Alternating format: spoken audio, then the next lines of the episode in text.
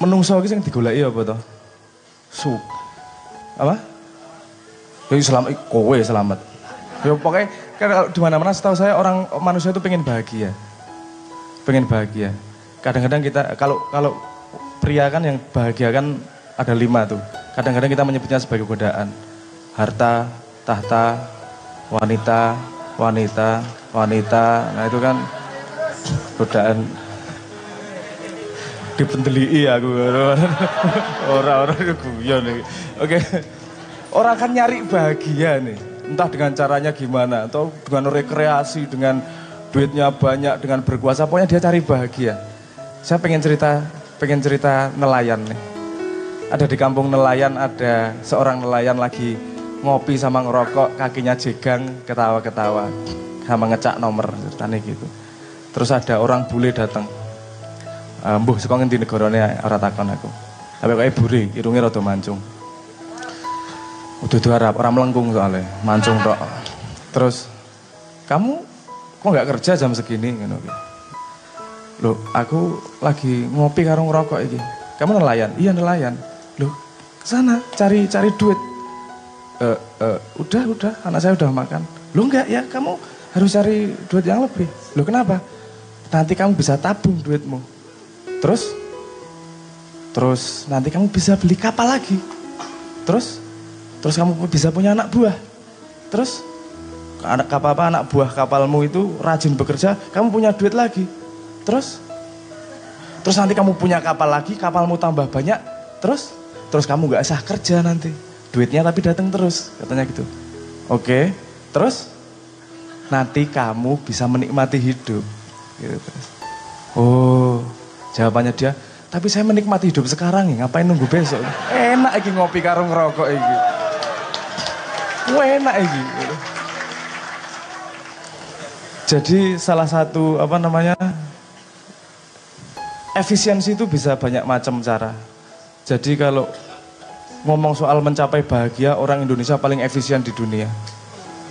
Lho iya no, pengen mangan pizza, kari nyekel tempe pizza iki rek mangan udah beres sugesti beres iki bah apa pengen hidupnya bahagia eh, pengen hidupnya menikmati hidup Has ngopi karo udut goyang-guyu ngene iki. Wes bahagia. Ya mungkin untuk standar, untuk untuk sebuah sebuah standar tertentu memang ora pas ngono kuwi. Ora efektif uripmu ngono kuwi. Ya bener-bener untuk untuk untuk set standar tertentu. Untuk set standar yang lain juga, misalnya kalau kepakai standar kita, uh, kita bisa mengatakan Indonesia adalah negara yang tirakatnya nomor satu. Oh, itu pakai sudut pandang tirakat ini misalnya. Tirakatnya nomor satu. Ono wali sing iso luar biasa milih ngiri neng terminal. Oh, tirakat itu. Wong kono ora tau poso, kita bisa makan aja memilih tidak makan. Oh, itu tirakat nomor satu. Nah, untuk jadi ranking-rankingan menurut saya Yo nggak apa-apa, itu sebagai kita jadi yang belajar bukan bukan ngejar rankingnya nomor satu, tapi mengetahui sudut pandang berbeda tentang bagaimana menjalani hidup. Itu konsep yang menarik juga. Oh, cara mereka menjalani hidup ngukur urip ini toh carane. Nah, kita nggak harus seperti itu. Tapi yo belajar dari dari itu juga nggak masalah. Karena mereka melakukan itu untuk menuju bahagia.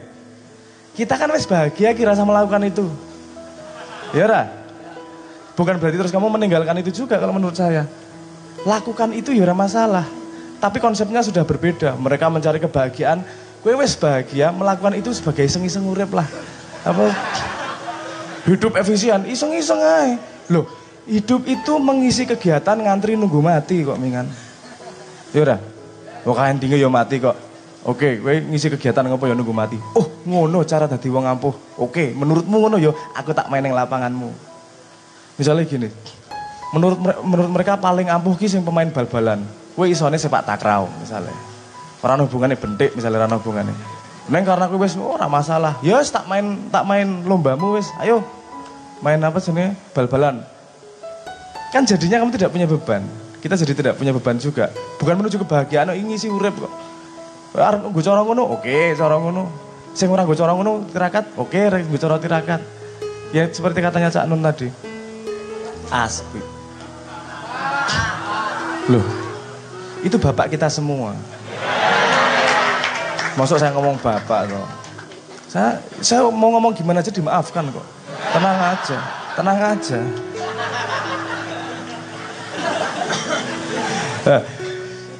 Betapa banyak sudut pandang di dunia, betapa banyak cara menjalani hidup di dunia. Kalau dulu pakai kita pakai konsep kebenaran, konstruksi kebenaran dan gajah, ngono gue.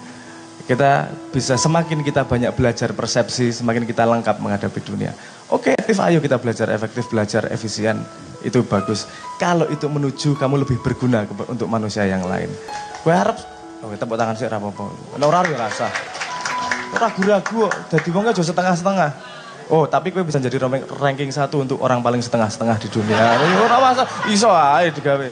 Peraturan ranking selalu dibikin oleh manusia. Padahal cara manusia menghadapi hidup bisa berbeda-beda.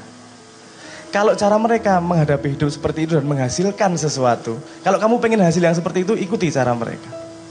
Kalau ingin kamu sesuatu yang lain, ikuti cara yang lain. Kalau pengen dua-duanya, belajar dua-duanya dan cari racikan baru untuk mencapai dua-duanya dalam satu perjalanan yang sama. Kuncinya kayak kuncinya tadi yang seperti dikatakan Cak Nun bahwa nomor satu kita harus menjadi diri kita sendiri. Kita punya konsep, kita punya eh kita punya kedaulatan terhadap bagaimana kita mau menjalani hidup. Sing penting migunani go lian, tumrap lian. Yo menurutku sih ngono wae. Apa ape kabeh wong ora ono sing nglakoni elek. Kabeh semua orang melakukan baik menurut sudut pandangnya sendiri. Yang belum tentu sudut pandang orang lain juga. Yang kita cari adalah bagaimana kita bisa berbuat baik tapi untuk sudut pandang sebanyak-banyaknya manusia aku ya setuju karo Cak Nun aku setuju terus nek karo Cak Nun so aku dadi wong ampuh ampuh banget tapi nyekutu dan ngidak-idak uang wih ora ora apa jenenge enggak enggak nggak masuk nggak nggak masuk juga. Saya saya pengen cerita nih. Yuk, mungkin sudah saya pernah cerita. Pengalaman saya di umroh. Waktu itu, ya saya juga punya cita-cita nyium hajar aswad lah. Walaupun tidak separah Pak Toto. Pak Toto nggak di sini. Pak Toto berjuang apa sih? Dia penasaran do, pengen nyium hajar aswad sampai depan hajar aswad komentar ngene tok to gue ya ditinggal asem tenan kene cita-cita ya Waktu itu waktu itu melihat keadaannya ini rebutan nih apa namanya nyembaca raswat. Saya ikut muter mubeng sampai mendekat kemudian saya melihat orang sikut-sikutan. Sikut-sikutan. Saya, saya, aku nggak setuju konsep ini. Semua orang pengen nyium hajar aswat tapi kalau harus ngikut orang lain orang apa ini? Gak gini harusnya konsepnya. Padahal keadaan yang terjadi standarnya kayak gitu tuh. Nek rasa sikut-sikutan lain tuh. Wes aku tak ikhlas wes wes lah orang orang aku orang gelem apa merasa pasti akan lebih merasa berdosa daripada seneng ketika aku nyikut uang untuk ngambung hajar aswat. Aku rar nyikut hajar aswat. Wes, ora, rar nyikut, rar ngambung hajar aswat. Dan karena saya yang saya tahu rule-nya adalah kudu sikut-sikutan, saya nggak punya lagi punya harapan. Wes ora ono lah. Ya wes rasa ngambung hajar aswat. Baru saya diingatkan ada cara lain, ditunjukkan cara lain. Suatu hari saya ke umroh itu dengan keluarga saya dan keluarga ayah saya. Bapak saya, ya ayah, bapak, yos. Ya nek gue bapak pas gue karo aku tok gue ramai lu doan. Jadi saat itu tiba-tiba besok siangnya saya dijawil, berang Arab ngambung acara aswat ora? Oh, yo oke. Okay. Neng aku gak sikut-sikutan, masuk kudu menghalangi kesempatan orang lain untuk kebahagiaan yang sama-sama kita cita-citakan ada seneng ya seneng nih aku megah sikut-sikutan oh, ayo melu aku baik rasa kakak cangkem oke siap terus saya disuruh iya sama beliau duduk menghadap azhar aswad terus sholat oke sholat ting ting ting ting ting lah sholat apalah gue sholat lah wes terus aku melek wes berang gitu bapak saya berdiri yuk nih azhar aswad ayo ayo gitu terus beliau tidak sama sekali pakai rumus yang berbeda dengan orang. Enggak pakai tawaf. Ini jalan lurus, dak, dak, menuju Hajar Aswad. Dan orang yang berkumpul itu membelah semua. Grek, grek. Aku neng buri batinku, jancuk wirite opo ini. Nyun sewu, nyun sewu tenan iki. Itu respon saya pertama. Asli so ngene iki wirite piye iki? Bajingan. Yo aku ora, ora apa rada lali nang ngarep Ka'bah gue ya piye carane iki wong besek-sekan sakene banyak eh melaku ki nggak melaku pakai imbas-imbis gini nih enggak melaku dek mantep kayak aku nang burine ngetut ki ah tenan iki iso ngene iki piye ceritane iki mbel gedes iki ora nggo sukit-sukitan sama sekali sampai apa namanya sampai bapak saya pegang atas hajar aswad. Deng. Terus nengok aku. Brang ayo ngambung. Terus saya ditabrak sama orang. Deng. Ora ya aku serai apa badanku yo serai untuk berarti. Nah tiba-tiba ada orang meluk saya. Set. Terus sampun teng hajar aswad. Badanku kok sopo wong iki? Nggak pakai baju rom pakai baju batik-batik kotak-kotak. Itu tuh Jokowi tapi. Tutup kotak-kotak Jokowi. Pokoknya pokoknya kelambi orang kelambi ihram nganggo kelambi hem ngono gitu yuk rangkul aku yuk sampur hajar aswad iki Jawa wong iki terus dereng ayo aku dipeluk gini ini sing nyikut-nyikut deh Klodo aku, klodo aku, klodo aku, klodo aku, nyikut aku. Sepenting aku ora nyikut lah. Wis ngono wae lah, wis alhamdulillah lah iki ngono iki. Wis ngambung, wis ning kono ngambung, wis rampung terus wis berang ngono. Wis, yo gitu. Juk di apa kuwi rada aneh tapi apa namanya? Kita ditarik ke lingkar luar lagi. Neng nggak pakai langkah yang gitu. Nyut ngono gitu. Di lingkar luar lagi. Kaya di cangking ana sing nyengkiweng ngono lho. Hmm, kayak kucing dijengkiweng. Berat di luar terus muter kita. Terus muter apa? Terus muter tawaf. Terus tawaf. Terus aku mau rada arep takon wirite iki rawani to. Wes sekejap wis seneng dhisik terus ngobrol. Rada ngobrol politik, rada ngobrol apa. Jo apa ana ibu-ibu jamaah haji Indonesia. Mas Leto ya, foto dulu. Batinku kabah bajingan kabah. Kowe sih arep foto karo Leto lho kowe bekas skala prioritas musuh iki. Piye to cerita ya oke lah ya apa-apa lah. Iki aku isine mosok ning ngarep Ka'bah Mas Leto boleh foto tangga apa, apa, apa selfie matane. Isin aku rek. Sangat-sangat malu. Terus aku lah minggir lah karo karo bapakku njuk mubeng meneh njuk ngomong panjang lebar yang ngomong apa bahas sesuatu terus aku sempat takon apa sih ora ono wiritan apa dongane? Ngene iki ndonga.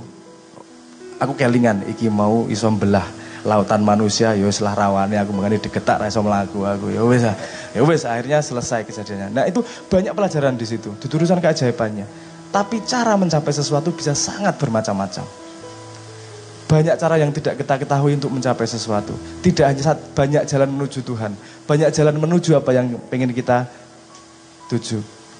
Ono jalan alternatif, ono jalan tol, segala macam banyak cara. Ono jalan pintas dan seterusnya banyak macam. Tidak hanya satu macam. Jangan sampai kita terjebak kepada hegemoni dunia bahwa cara mencapai kebahagiaannya hanyalah satu cara. Kita sebagai orang Indonesia dengan cara kita sendiri bisa menemukan apa yang mereka ingin capai.